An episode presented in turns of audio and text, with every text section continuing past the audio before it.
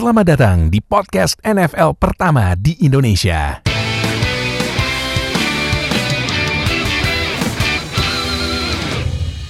Balik lagi sama gue Fadil, host kalian di Zero Knowledge Podcast. Nah, uh, seperti gue udah bilang dari kemarin, walaupun kita off season, tapi kita tidak libur kontennya karena kemarin udah nonton ini kan udah nonton uh, American Football One One sama Top List. Nah, sekarang kita juga ada podcast. Podcastnya gimana? Tetap nggak libur. Nah, ini podcastnya kita juga uh, full tim lagi. Ada Fadil Ohio sama uh, Nuha sama Oka. Jadi uh, buat podcast kali ini ya kan sesuai permintaan kalian kan kalian maunya top list. Oke.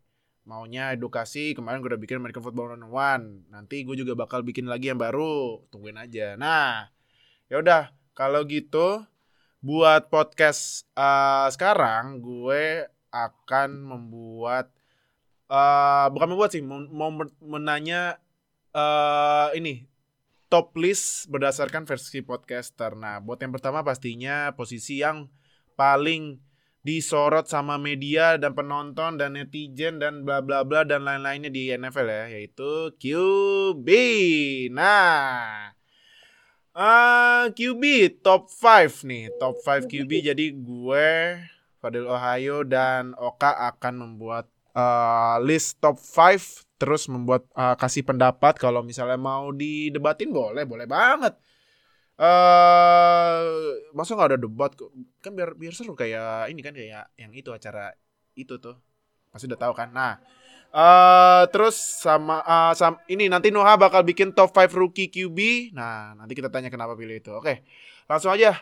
Kita mulai yang pertama dari Oka dulu kali ya. Kak hmm. Top 5 QB musim 2020 versi lu apa tuh? Untuk aja. nomor 5 gue akan pilih uh, Russell Wilson. Russell Wilson dari Seattle Seahawks. Russell Wilson? Iya, yep, Russell Wilson. Russell Karena, Wilson? Uh, kenapa Russell kayak, Wilson? Oke, okay, jadi kenapa gue pilih Russell Wilson di nomor 5? Karena uh, dia udah uh, buktiin dari uh, infusi udah dari beberapa musim sebelumnya juga bahwa dia udah layak disandingkan jadi kandidat MVP ya. Walaupun pada akhirnya di pertengahan musim dia mulai agak loyo kayaknya ya agak loyo. Jadi emang kayak beberapa musim sebelumnya Wilson selalu on fire banget di beberapa di pertandingan di pertandingan pertandingan awal. Kayak hmm. uh, kayak beberapa pekan awal dia uh, ada beberapa pertandingan di mana dia nyetak 300 yards passing dan multiple touchdown dan walaupun itu emang standarnya dia sih tapi uh, dia tetap uh, layak lah walaupun emang ada ada penurunan di uh, pekan-pekan akhir tapi dia hmm. tetap layak layak jadi top 5 untuk QB di NFL. Oh, oke. Okay. Itu lu uh, peringkat 5 ya? Peringkat 5. Oke. Okay. Uh, kalau Padahal ini ya masih oh ya oh, kak oh Dil peringkat lima lu siapa? Peringkat lima gua peringkat lima gua Deshaun Watson. Deshaun Watson, oi kibi yang kibinya Oka yang sudah tidak tahan di Houston. ya. Tapi kenapa? Kenapa? Kenapa? Kenapa Deshaun Watson? Kalau menurut gue ya simpel aja sih. Menurut gue uh, kan uh, banyak tuh apa namanya measure dari seberapa impactful gitu artinya seberapa berpengaruh quarterback tuh terhadap apa ya kemampuan tim dalam score point gitu. Kan intinya kalau di offense kan yang lu mau kan scoring scoring points kan. Dan uh, apa namanya ya kalau pakai measure itu secara metric wise menurut gua ya dengan segala sesuatu yang terjadi di Houston ya mau nggak mau harus masukin Deshaun Watson ke top 5 sih. Meskipun secara metrik kasar ya kalau kalau cuma dihitung uh, lewat apa namanya seberapa baik sorry seberapa bagus dia uh, dapat completion percentage sama seberapa besar poin yang dia generate dia nggak masuk top 5 tapi menurut gua jadi gua berdebat antara masukin Ryan Tannehill di nomor 5 atau uh, Deshaun Watson Cuma gue memberikan vote gue ke Deshaun Watson karena segala sesuatu yang terjadi di Houston gitu. Hmm. Uh, si Tannehill ini produsnya satu tingkat di atas Watson menurut gue. Tapi uh, dia itu nggak offense-nya tuh nggak dibebankan ke dia gitu. Dia cuma simply execute what was given to him gitu. Jadi Ya. menurut gue yang layak masuk top 5 Deshaun Watson. Deshaun Watson, oke. Kalau gue peringkat limanya, yang juara kemarin, Tom Brady.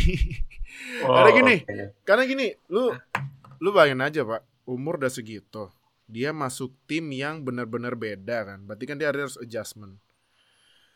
Ya walaupun dia punya weapon yang menurut gua sangat upgrade dibanding pas dia di Patriots, tapi ya ya lu ibaratnya nge ngelid nge ngelit orang-orang yang pastinya banyak yang mengagumi lu cuman kan ya pasti seiring waktu kan tiba-tiba kok ini beda atau gimana gitu kan nah dengan dengan statsnya dia aja di musim uh, kemarin eh musim 2020 nya 4633 passing yards 40 touchdown 12 interception 102,2 udah kayak ini ya FM radio ya rating gila loh umur segitu terus juara loh Duh, gila sih. Gua makanya gue taruh Tom Brady di peringkat 5.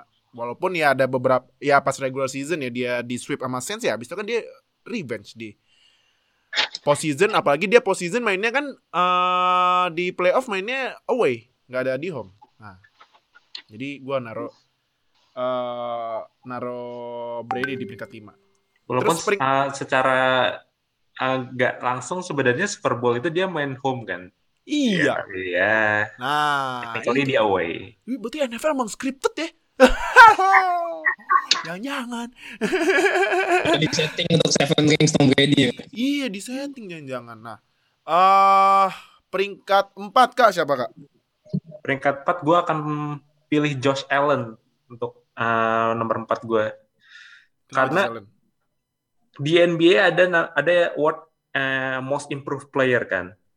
Kalau misalkan NFL punya award uh, most improved player pasti akan dikasih ke Josh Allen. Kenapa? Karena dia berubah dari 2019 dia masih uh, quarterback dengan kecenderungan bikin turnover, lalu juga uh, secara akurasi dia masih bermasalah. 2020 dia jadi salah satu M- uh, kandidat MVP, lalu juga QB salah satu QB terbaik juga di NFL dan kembangannya juga benar-benar pesat banget soalnya. Uh, dengan passer rating dia naik uh, udah career high terus passing yards juga ya tertinggi di karir dia sekarang terus juga touchdown interception ratio-nya juga uh, meningkat jauh. Jadi nggak salah lah karena uh, memang mungkin dari kulturnya Buffalo Bills sendiri emang bagus banget. Nah terutama dari coaching staff itu gue apresiasi banget tuh terutama dengan uh, Brian Debo yang jadi kayak quarterback whisperernya buat Josh Allen dan juga mengembangkan dia jadi quarterback kayak sekarang. Dan di- ditambah juga dia dilengkapi sama weapon-weapon yang bagus. So nggak salah lah dia jadi nomor 4 kalau menurut gue. Hmm. Tapi ya apa mungkin karena ada ini ya, karena ada Stephon Diggs jadinya berubah banget Josh Allen. kalau menurut gue sih satu weapon nggak akan benar-benar berpengaruh terhadap performa QB banget sih Ah, karena kalau kayak gitu harusnya Kyler Murray bisa naik jauh tuh karena ada weaponnya elite juga kan Hmm. Cuman ya uh, untuk untuk Josh Allen sendiri dia kan sempat bermasalah ya dengan akurasi, dia juga banyak turnover, lalu juga ya agak agak gimana ya masih uh, mentah lah, masih mentah.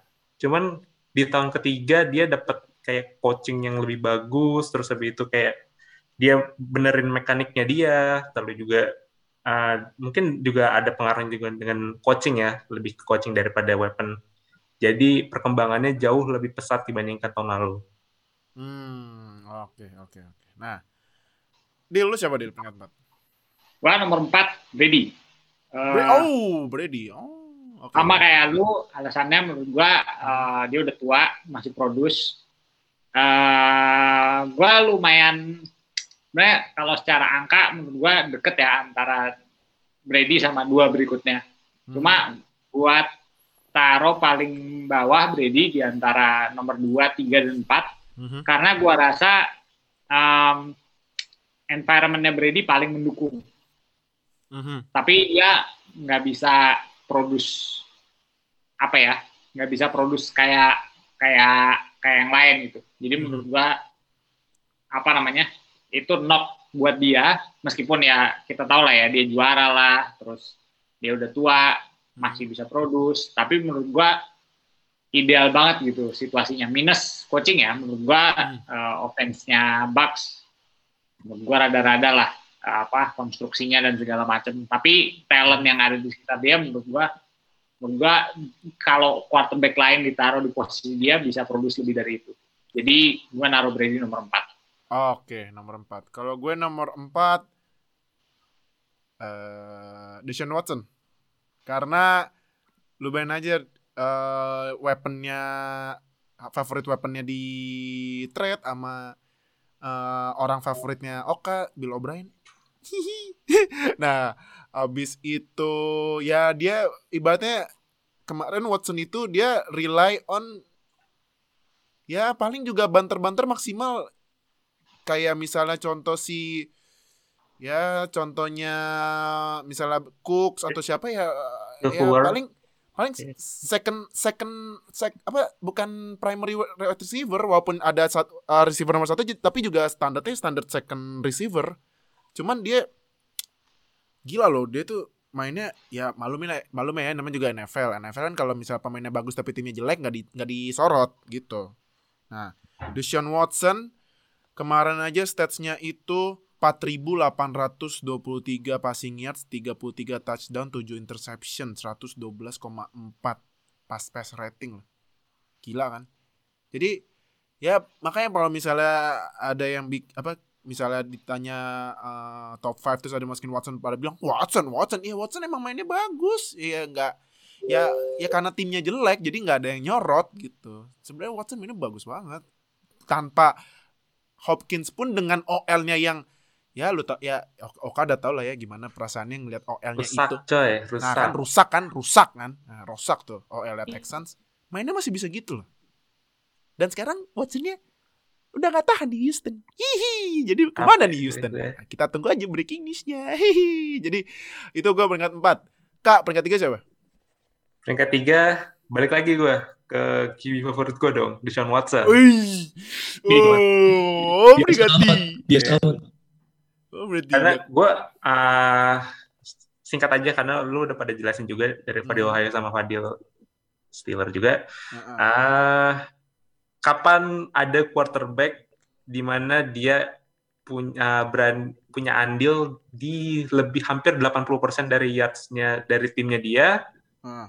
nomor 2 di QB rate, nomor satu di passing yards, Hmm. nomor tiga di percentage juga, Ah. dan dia uh, QB dengan uh, yang paling yang kena sack paling banyak kedua di musim Iya. ini. Abis what? Abis Carson Wentz kan? Ya. Ya, Carson Wentz ada sekitar 50, sedangkan Deshaun Watson yang 49 atau 48 gitu. Jadi Mm. uh, Watson bisa put up number kayak gitu udah eh, itu hitungannya elit loh, elit banget. Dan kalau misalkan timnya mungkin uh, like uh, 10 kali menang atau 11 kali menang, dia harusnya udah di MVP consideration. Mhm. Ya, dia jadi put up those number dengan WR yang seadanya yang Brandon Cooks gue bilang cuma marginally number one receiver. Will Iya. Fuller itu pure number two. Gue selalu ingat dia adalah number two behind Hopkins. Offensive line yang gue bilang nggak seburuk musim lalu, tapi masih Ya, tetap masih. bottom 10. Masih tetap bottom 10 Ya masih iya.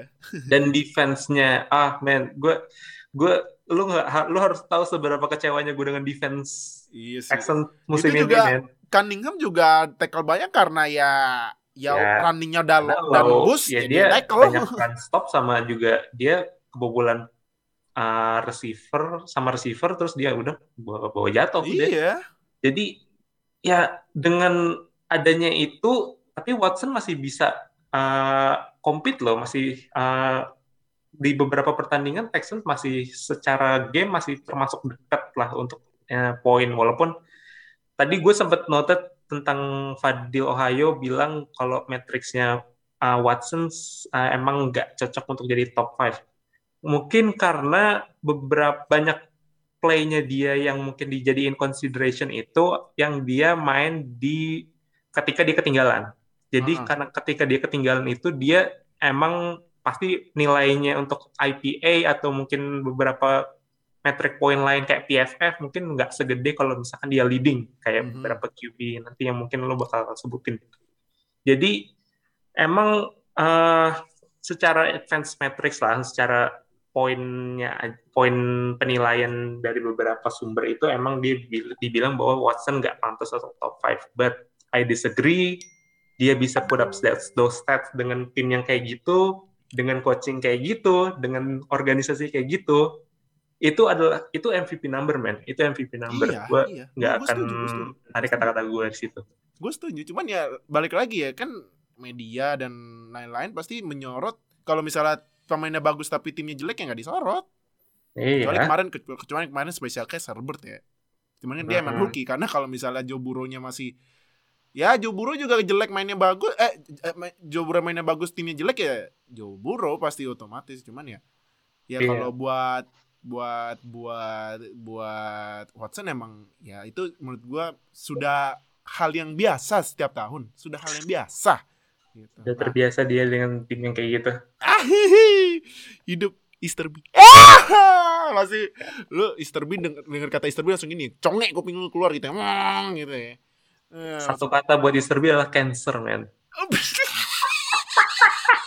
Nggak sekalian ownernya aja. Susah kalau buat nyuruh owner buat jual tim. Tanya aja nih. Deal lu peringkat tiga siapa Peringkat tiga gua udah dimention juga sama lu, uh, Josh Allen. Kalau oh gua Josh Allen kalau gua di naruh di peringkat tiga karena kalau menurut gua uh, jumps out ya, maksudnya kelihatan sempat ada di dalam MVP consideration juga apa namanya, terus improvementnya kelihatan jelas, terus dia kelihatan benar-benar comfortable dengan playing apa ya, dengan timnya gitu. Gua itu layak numbersnya pun mendukung bahwa dia dia masuk ke dalam konsiderasi top five quarterback gitu. Jadi gua naro Josh Allen di nomor Mhm. tiga karena menurut gua ya terlepas dari tadi ya lu mention soal Stefan Diggs, ah dimention juga soal coaching yang memang apa ah, bagus lah ya in place gitu kan. Ya. Ah, kita juga lihat di ah, siklus hiring kali ini Brian Dable nggak nggak bergerak kan, nggak nggak ke mana-mana kan karena sempat kemarin digosipin ke Chargers tapi Chargers ngambilnya Brandon Staley jadinya ya lumayan jarang loh kalau menurut gua ada uh, offensive coordinator di bawah head coach yang defensive minded dan dia nggak pindah-pindah. Karena biasanya diambil-ambil sama orang kan. Jadi itu sih gua rasa dia udah comfortable dalam sistemnya dan uh, apa namanya memang suportif cuma ya itu tadi kan kita kita kita butuh ngelihat apa namanya dia bisa nggak sih keluar dari sistemnya gitu. Dia bisa nggak eh, apa ya bukan bukan keluar dari sistemnya ya tapi eh, perform lebih dari sistemnya membiarkan gitu. Karena ada legitimate concern gitu kan. Uh, Oka nyinggung soal apa accuracy bukan berarti musim ini tiba-tiba dia jadi jauh lebih akurat. Enggak cuma uh, apa namanya offense mereka dibangun uh, sedemikian rupa untuk menekan si inakurasinya dari uh, Josh Allen gitu. Jadi kalau menurut gua in in other season maybe he's in consideration for MVP tapi di musim ini ada dua orang yang mainnya out of their minds menurut gua. Iya. Ya itu nanti yang jadi Nanti. top dua gitu. Ya, itu nanti. Makanya Josh Allen skor nomor tiga. Oke. Gue juga sama kayak adalah gue naruh Josh Allen nomor 3 karena gue udah perhatiin Josh Allen dari rookie season sampai sekarang memang musim ini tuh dia leadershipnya udah dapet banget. Mainnya dia yang biasanya suka nekat kan, apalagi pas yang rookie season apa second year yang dia loncatin pemain tuh. Rookie season kalau nggak salah ya. Itu kan Iya, banyak iya. banget tuh Rookie season kalau nggak salah ya. dia kan eh, sem- ba- dulu mainnya sloppy banget tapi sekarang udah rapi rapi banget menurut gua ya mungkin efek mungkin juga karena efek ada Stephon Diggs ya karena kan ya kemarin dia juga ngandelinnya paling John Brown gitu kan nah cuman emang eh, Josh Allen eh mungkin QB yang sudah ditunggu-tunggu oleh warga Buffalo sejak Jim Kelly ya. Habis itu habis itu ya lu tau lah EJ Manuel apa ya tuh siapa ya, EJ Manuel. Nah jadi Nathan Peterman, Pak. iya Nathan Pitt Oh, itu itu udah di tier lanjut lanjut lagi tuh kalau misalnya Tom Brady di undisputed goat Nathan Peterman tuh ngomong D-nya bukan the D D goat kayak di Ohio State nah gitu kan. ini D harus ngomong D goat nah. Di. nah jadi eh, emang gue lihat Josh Allen mainnya jauh jauh banget bedanya Be- beda banget. Terus juga dia kalau misalnya under pressure di pocket juga footwork dan buat ngindarinnya lebih bagus daripada musim musim dia kemarin. Karena kan Yes, musim kemarin ya kan? Karena kan musim musim kemarin dia kalau misalnya under pressure pasti ya kalau nggak fumble paksa maju tapi loss. Nah ini dia bisa footwork maju kanan, masuk maju depan dikit kanan kiri gitu. Jadi beda banget ya Josh Allen. Jadi gue naruh Josh Allen ketiga. Nah ini kayaknya top tuh sama aja ya. Cuman nggak tahu nih. pering- Eh, kayaknya top tuh sama aja nih kali ya. Coba kak, lu peringkat dua siapa? Ah, jujur ini agak susah sih sebenarnya. Oh, Kalau gua harus, gua harus pilih. Kalau misalkan untuk purely 2000, ah, 2020 Biar 2020 aja. Biar nggak terlalu lebar. peringkat dua gua akan pilih Patrick Mahomes. Hmm, oke kenapa? No disrespect ya, no disrespect karena ah, karena QB yang satu lagi itu emang punya ya one of the greatest season lah. Ah, dalam nggak cuman karir dia tapi juga mungkin seluruh QB di NFL. But Patrick Mahomes pun juga uh, di beberapa pekan awal juga tetap masih di MVP consideration bahkan dia forerunner juga di beberapa pekan awal. Mhm. Ya mungkin uh, sedikit minusnya karena mungkin dia mencoba untuk kayak lebih konservatif. Dia nggak terlalu banyak untuk uh, main lempar aja ke siapa pun di 40 yard jauh di sana. Tapi dia sekarang lebih uh, uh, calculated, lebih hati-hati, dan dia juga uh, kayak mungkin pendekat approach-nya nggak kayak main lempar aja kayak karena mungkin dia punya main eh, arm power atau kayak gimana, cuman ya overall dia masih punya Patrick Mahomes number, um, tapi mungkin nggak se-eksplosif mungkin pas dia first year sebagai starter ya, karena itu emang uh, musim yang gila banget. But untuk 2020 gue tetap pilih dia Patrick Mahomes sebagai peringkat dua. Mhm. Oke. Deal. Nah, Mahomes atau eh, apa sama nih kayak gini? Kayak, kayak sama deh coba. Lu di siapa dia? Nggak, ya, gue sama kayak Oka juga dan gue gue hampir yakin full. Lu juga jawab sama. Iya, sama gue milih Patrick Mahomes buat Iya. nomor dua Heeh. karena em, Iya tadi gue juga setuju sama Oka. Ada ada pendekatan yang lebih sistematis di uh, buat Mahomes approach offense-nya musim ini.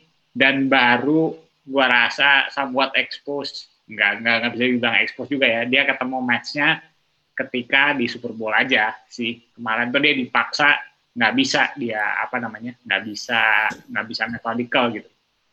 Em, ada pertimbangan soal apa namanya numbers-nya nggak sebagus apa namanya nggak sebagus musim-musim sebelumnya tapi itu gua rasa yang banyak kontribut adalah online-nya jebol pak Ah, iya, sayang banget sih. dari awal musim sebenarnya kan Iya, dari awal musim. Mhm. i- ya ya ya itu dia uh, pertimbangan yang sama diberikan ke Mahomes adalah pertimbangan yang diberikan ke Deshaun Watson juga although on on a different scale ya menurut gua. Karena dari awal musim online-nya udah satu nggak ada. Dua nggak ada kalau nggak salah. Dua atau tiga udah nggak ada dari awal Iya, dua, musim. du- tiga nggak usah. terus rotasi tackle, panjang musim. tackle, ah. jadi ya itu ngaruh banget sih sebenarnya. Karena banyak banget eh, komponen yang nggak bisa nggak nggak bisa jalan gitu dari offense kalau kalau online lu jebol gitu. Mhm. Dan eh, apa gue udah bahas juga beberapa kali terutama pas kemarin bah ngomongin soal Super Bowl, as crazy as it sound ya, uh, si si komponen yang ada di sekitar Mahomes itu menurut gua kurang kurang satu gitu.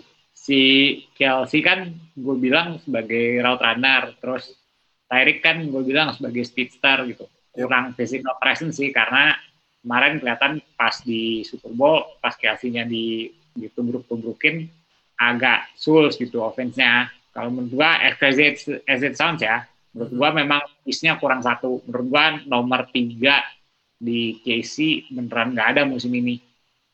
Sammy Watkins keluar masuk IR, dia cederaan, terus sisanya ya bukan legit threat lah di nomor tiga. Whoever yang lagi main gitu, entah itu Hartman, entah itu uh, other players gitu. Jadi dan apa running back position buat uh, Chief musim ini juga agak suls gitu. Jadi kalau menurut gua ada nama besar gitu kayak uh, siapa Le'Veon Bell, cuma gua rasa uh, penambahannya nggak nggak terlalu ngaruh gitu. Itu ngaruh banget ke productionnya Mahomes musim ini kalau menurut gua. Offense-nya agak-agak disfungsional lah. Iya. Terlalu ngandelin Chelsea sama Teddy. Iya. Gue juga sama kita top tuh ya, Mahomes gue karena karena ya walaupun sebenarnya cara main Mahomes ke ketahuan juga sih. Pasti kalau Mahomes lempar kan dua kan, Kelsey dan Hill. Hill. Tapi dia juga supporting role-nya juga masih ada kayak Hartman, Watkins, Watkins kayaknya nggak terlalu nggak- ini nggak terlalu ini nggak nggak terlalu kelihatan ya. eh sama satu lagi siapa tuh namanya Demarcus Robinson ya supportingnya ada ya kurangnya sih di OL ya. Paling ya menurut gue yang juga masih kurang walaupun rookie running backnya juga ya mungkin buat eh season dia lumayan tapi kan sempet gak main kan si C kan. Nah running backnya menurut gue juga nggak belum terlalu mensupport standar mainnya Mahomes tapi Mahomes ya bi- masih bisa menghandle timnya dua kali kalah di regular season sama masuk Super Bowl lagi loh. Ya walaupun di Super Bowl di di dimakan kan di mamam tuh semua kan sampai larinya udah kayak main Madden, lari belakang kiri kanan kiri kanan maksa maksa lempar. Next step nggak? Ya enggak kayak di Madden yang penting. ya, tapi tapi Mahomes wah gila sih Mahomes. Tapi iya sama satu lagi congrats buat Mahomes sudah punya anak. Semoga Yeay. duit Hmm. Semoga duitnya bisa membiayakan anaknya ke sekolah TK internasional lah ya. Oh, SD internasional. cucunya Tom Brady dong berarti ya? oh, oh, oh, gua nggak ngomong ya, gua nggak ngomong ya. Kalau itu gua nggak ngomong ya cucunya Brady ya. Nah, eh, nah itu gua, kalau gua sih Mahomes itu karena ya Mahomes emang exceptional. Ini sih player sih emang one of a kind Mahomes. Nah, peringkat pertama ya adalah kak yang ini kan yang di North kan NFC maksudnya. Oh, iya. Iya, kenapa tuh dah? Langsung deh, kenapa NFC, yang NFC kenapa- North ya? Iya, kenapa NFC yang yang kemarin baru aja ini tunangan? Oh, Kenapa tuh? padahal gue mau jawab Carson Wentz tadi. Oh, eh, eh, eh, aduh. itu itu kalau gua gitu, aduh, nih ini ntar ntar ada yang dipertanyakan ini ex ini expert. Bentar, bentar, bentar. NFC North, Jared Goff. Eh, eh NFC North Trubisky. Eh, ah, kenapa kenapa kenapa kenapa tim tim yang fansnya pakai keju itu? Ya, ya jelas lah karena uh, dari stats aja juga udah nunjukin kalau dia cocok emang jadi MVP. Mhm. Ya, 48 touchdown, 5 interception, terus juga itu kalau nggak salah itu musim ini dia second highest passer rating sepanjang sejarah kalau nggak salah. Ya gue mungkin uh, coba koreksi koreksi aja. Uh, setelah musim 2011 itu yang juga passer ratingnya yang pegang dia juga tuh rekornya. Jadi emang dia jagonya passer rating lah gitu kalau untuk uh, stat hits. Ya all things aside dia uh, berhasil bi- lebih kayak nggak uh, takut-takut lagi dibandingkan musim lalu karena musim lalu emang ada pertanyaan-pertanyaan bahwa apakah Rodgers is done ya? Apakah dia udah udah uh, jadi udah tua dan pensiun gitu? Tapi bu- musim ini dia buktiin kalau misalkan dia uh, masih cocok jadi the best QB in the league ya. The best QB in the league. Cuman eh, nggak cuman sih nggak ada sih. Emang juga didukung sama environment-nya dia di offense, di mana dia punya Devante Adams, terus running back-nya ada Aaron Jones sama Jamal Williams. Juga arguably the best online in the NFL. Ah, Mungkin ada yang bilang kalau itu Browns atau mungkin eh, siapa lagi ya?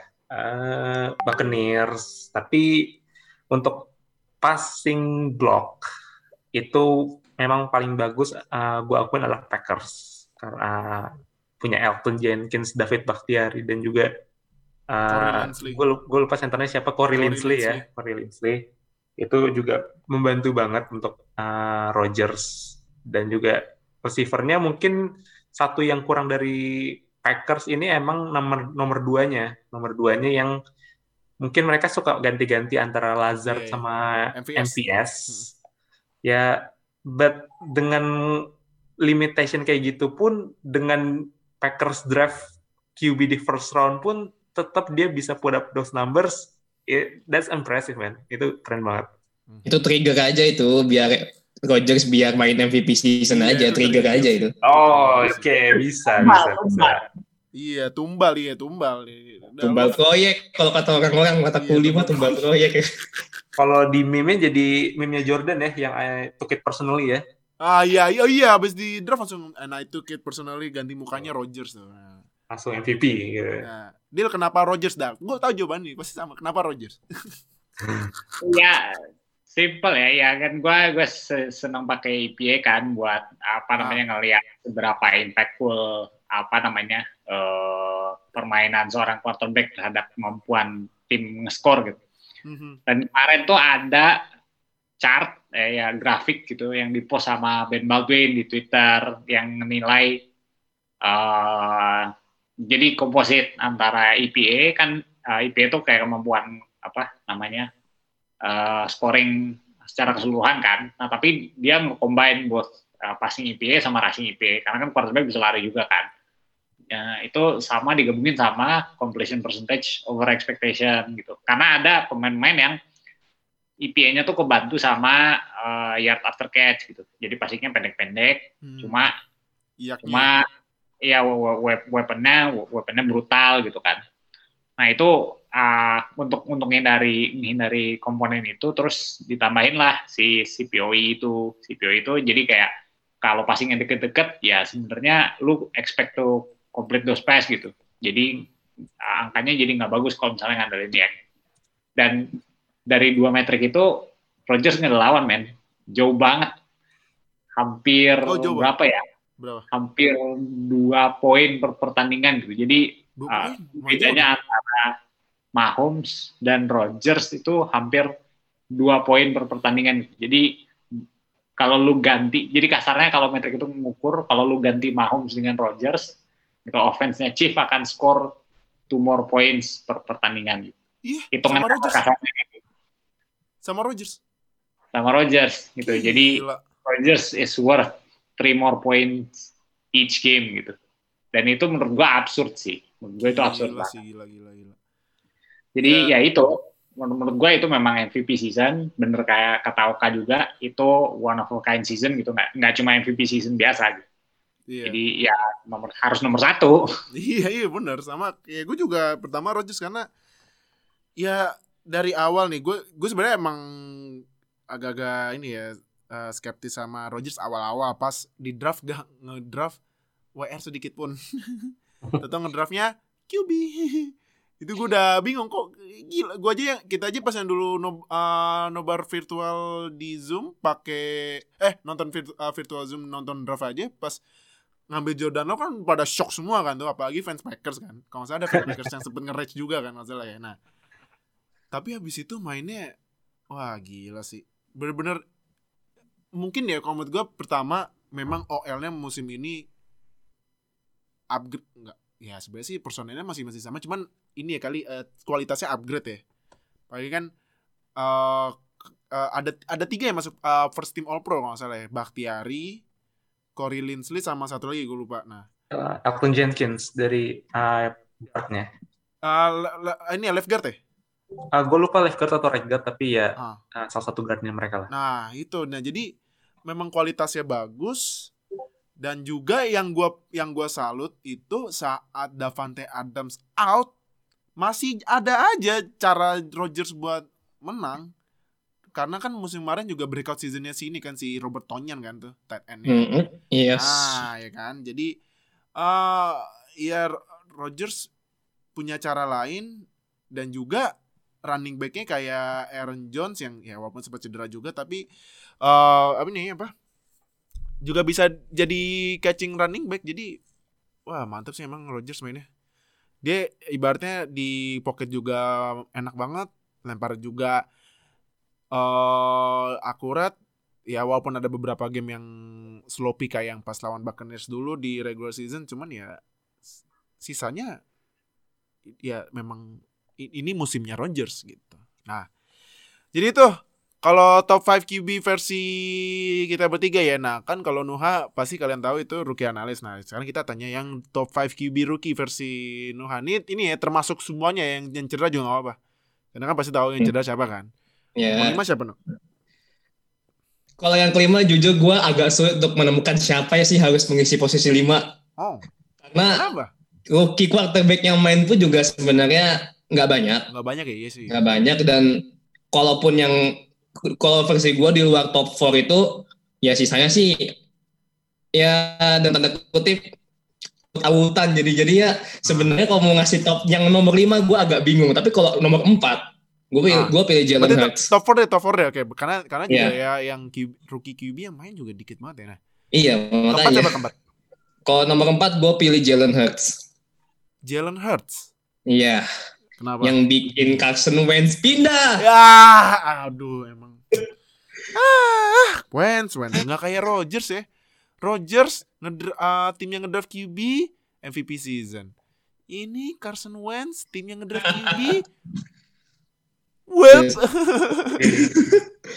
nah, kenapa Jalen Hurts? Karena kalau mau secara fair ya memang Jalen Hurts itu ya fourth best rookie quarterback sekarang yang main ya. Mhm. Dan technically secara ini fun fact sih, rookie quarterback ta- musim 2020 itu nggak ada yang main full satu season nggak ada.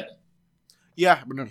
Ini sebuah fakta yang memang benar adanya Nah, karena Jalen Hurts juga dimainin baru week 12 ya setelah Carson Wentz ancur-ancuran mainnya itu berapa, udah berapa kali kena sack apa segala macam akhirnya Jalen Hurts dimainin.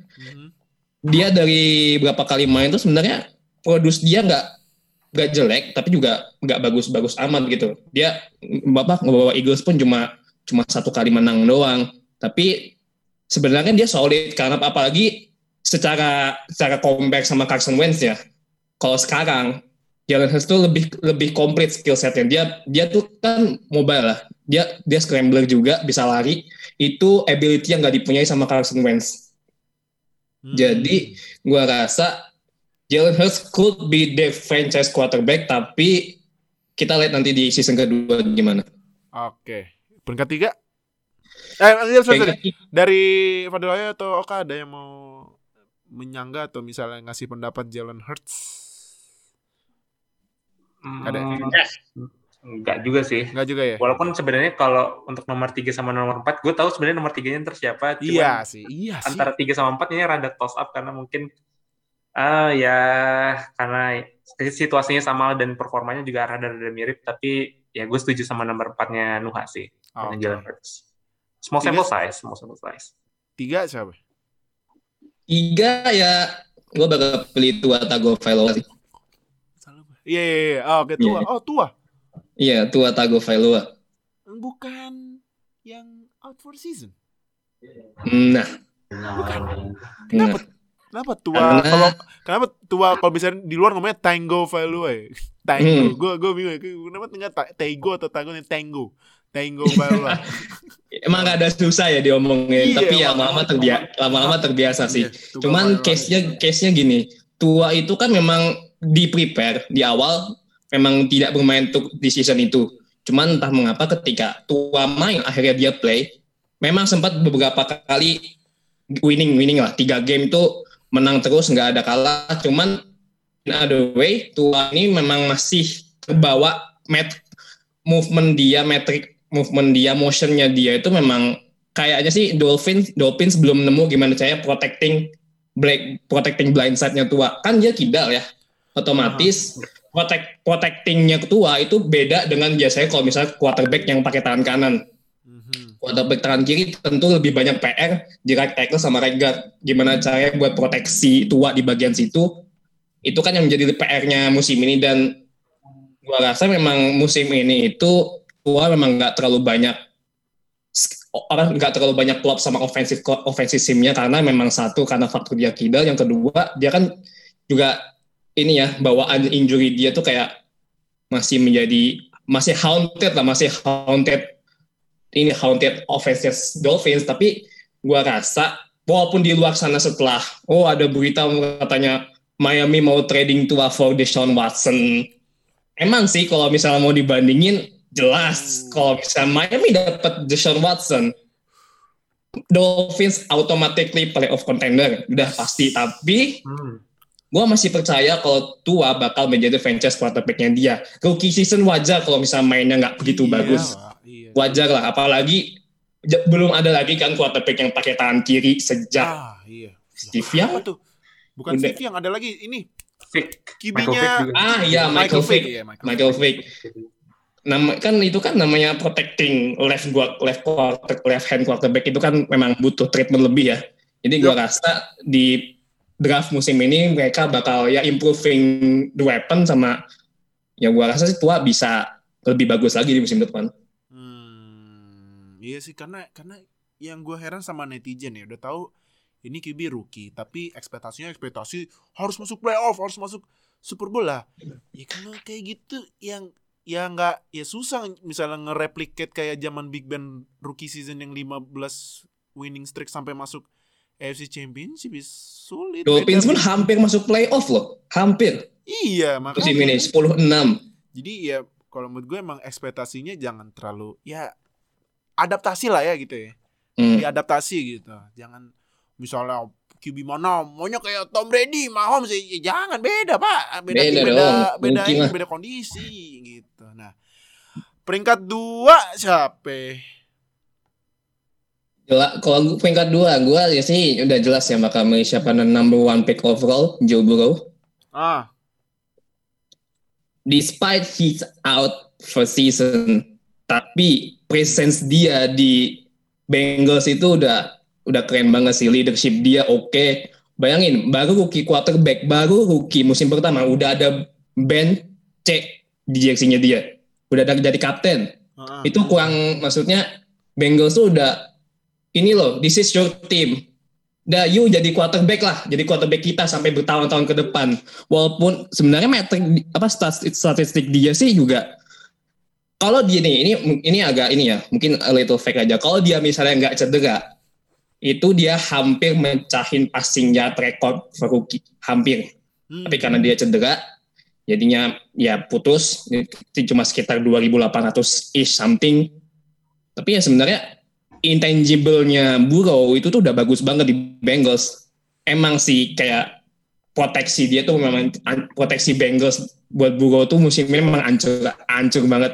Offensive line mereka tuh berantakan Wow. banget. Itu gimana ya kayak quarterback udah bagus yang di apa namanya di zaman dia college tuh kalau main di pas itu wah akurasinya tuh mantep luar biasa. Somehow, somehow di NFL di musim dia ini nggak apalagi di pasnya ya di pasnya tuh nggak terlalu banyak jalan. Karena ya Hmm. Karena memang protect apa block pass blocking itu memang untuk di pas memang butuh waktu ya butuh waktu butuh waktu buat blocking nah karena di apa offensive line Bengals itu jelek jadi kita tidak melihat banyak di pas yang Burrow lakukan seperti waktu dia di LSU karena Iya. karena menurut gue di pasnya Burrow tuh waktu di zaman di college ya itu akurasinya bagus dan itu menjadi senjata bagaimana Jamar Chase ketika main di LSU itu duo Burrow Jamar Chase itu benar-benar gokil. Jadi gua rasa sih PR-nya Bengals ini memang harus proteksi Burrow habis-habisan. Drafting Penisable should be a solution for them.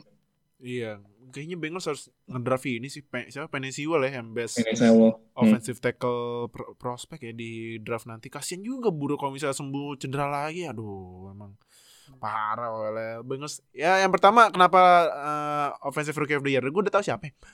Ya udah, kayak- udah jelas lah ya siapa yang menang Offensive Player of the Year Justin Rookie, Herbert. rookie. Iya, rookie of the Rookie. year. Hmm, Iya, kenapa? offensive rookie offensive player karena ya secara statistik udah bagus, mecahin rekor rookie 31 touchdown.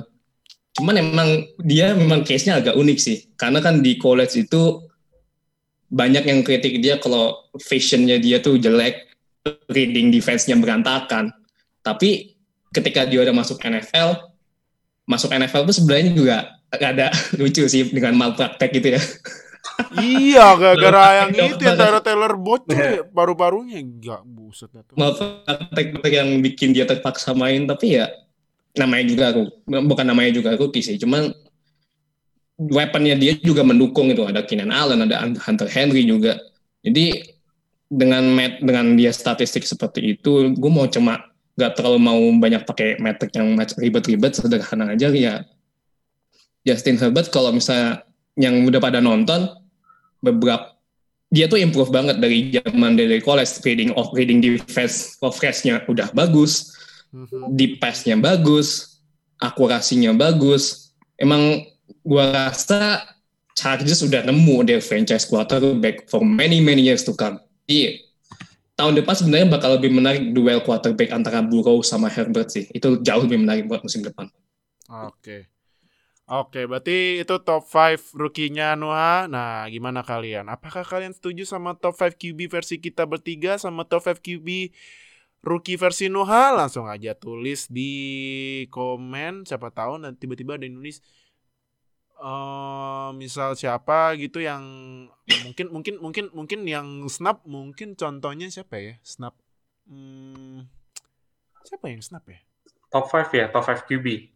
yang yang mungkin yang yang kita nggak sebutkan namanya snap kan snap gitu. Hmm. Siapa ya? Tadi tadi ada Tannehill sama Tannehill. Nah, siapa tahu Tannehill. Tannehill. Nah, silakan aja tulis eh, tulis versi kalian di komen video YouTube ini bebas terserah. Tulis aja. Nanti kita reply, kita lihat kok. Nah, jadi udah. Nah, Lamar Jackson. Nah, Ah, iya siapa tahu ada itu pecinta. itu untuk top list yang selanjutnya. Top Nah, list iya orang running back ya? selanjutnya. Oh, oh, yang yang yang yang yang coaching staffnya jadi head coachnya eh, Texans ya? Oh. Mau Bieniemi tapi kok namanya out of nowhere dari Ravens. Maksudnya mau ngeros tapi kena ros juga ya deh. Iya. Eh, atau enggak siapa tahu ada yang nulis Mayfield gitu. Ah, Hmm. tapi ya, siapa tahu kan, siapa tahu gitu, siapa tahu. Tahu Big Ben atau Gue Gold yang gitu kali ya. wey. Apa? Gue aja yang fans Browns nggak ngomong gitu. Yuk, siapa tahu ada yang siapa tahu ya kan netizen kan versinya beda-beda. Kita kita lihat aja ntar eh, versi-versi netizen di komen top 5-nya. Jadi udah kalau gitu eh, itu podcastnya buat hari ini. Thank you eh, buat Radil Hayo, Oka sama Nuha udah join. Nah, next week kita bak eh nah nanti di minggu ini kita juga bakal bikin eh ini ya QB prospek ya buat di Yes. draft. Nah, nanti bareng Nuha sama satu lagi dari Lambo Hijau eh, si Julian katanya mau join. Nah, nanti kita lihat gimana nih prospek QB. Siap. Trevor kan ya udah pasti lah ya. Ini kalau Jaguars ngambil Trevor tuh aduh gue eh gue gini aja deh. Bego. nah, ya Manas tapi manasin lu itu deal. Apa? Mau manas manasin lu. anjir. Kurang ajar ya. Kurang ajar, kurang ajar. nah, ini mentang-mentang Brunson ngalahin Steelers nyolot nih orang. nah, nah, nanti kita lihat gimana uh, prospeknya Trevor Lawrence, Zach Wilson, Justin Fields, Trey Lance. Trey Lance, Mike Mac Wilson, Jones. oh ya itu Mike itu Jones. Justin Fields nah itu si Banyak. Hayo. Nah, ntar kita ntar, ntar Nuha dan Julian akan analisis di minggu ini. Jadi udah kalau gitu Thank you yang udah nonton di YouTube. Jangan lupa subscribe, klik lonceng sambil subscribe biar kita upload dapat notifikasi langsung nonton biar biar update sama NFL di Indonesia dan channel kita dan jangan lupa like, comment, share video ini yang didengerin audio only di Spotify langsung klik follow biar tetap update sama podcast kita. Jadi dah, thank you udah nonton dan dengerin see you di episode selanjutnya. Dah. Terima kasih telah bergabung dengan Zero Knowledge Podcast. Follow kami di Instagram dan Twitter at NFL. Atau bergabung dengan kami di Line Square dengan keyword NFL Fans Indonesia. Sampai jumpa di podcast berikutnya.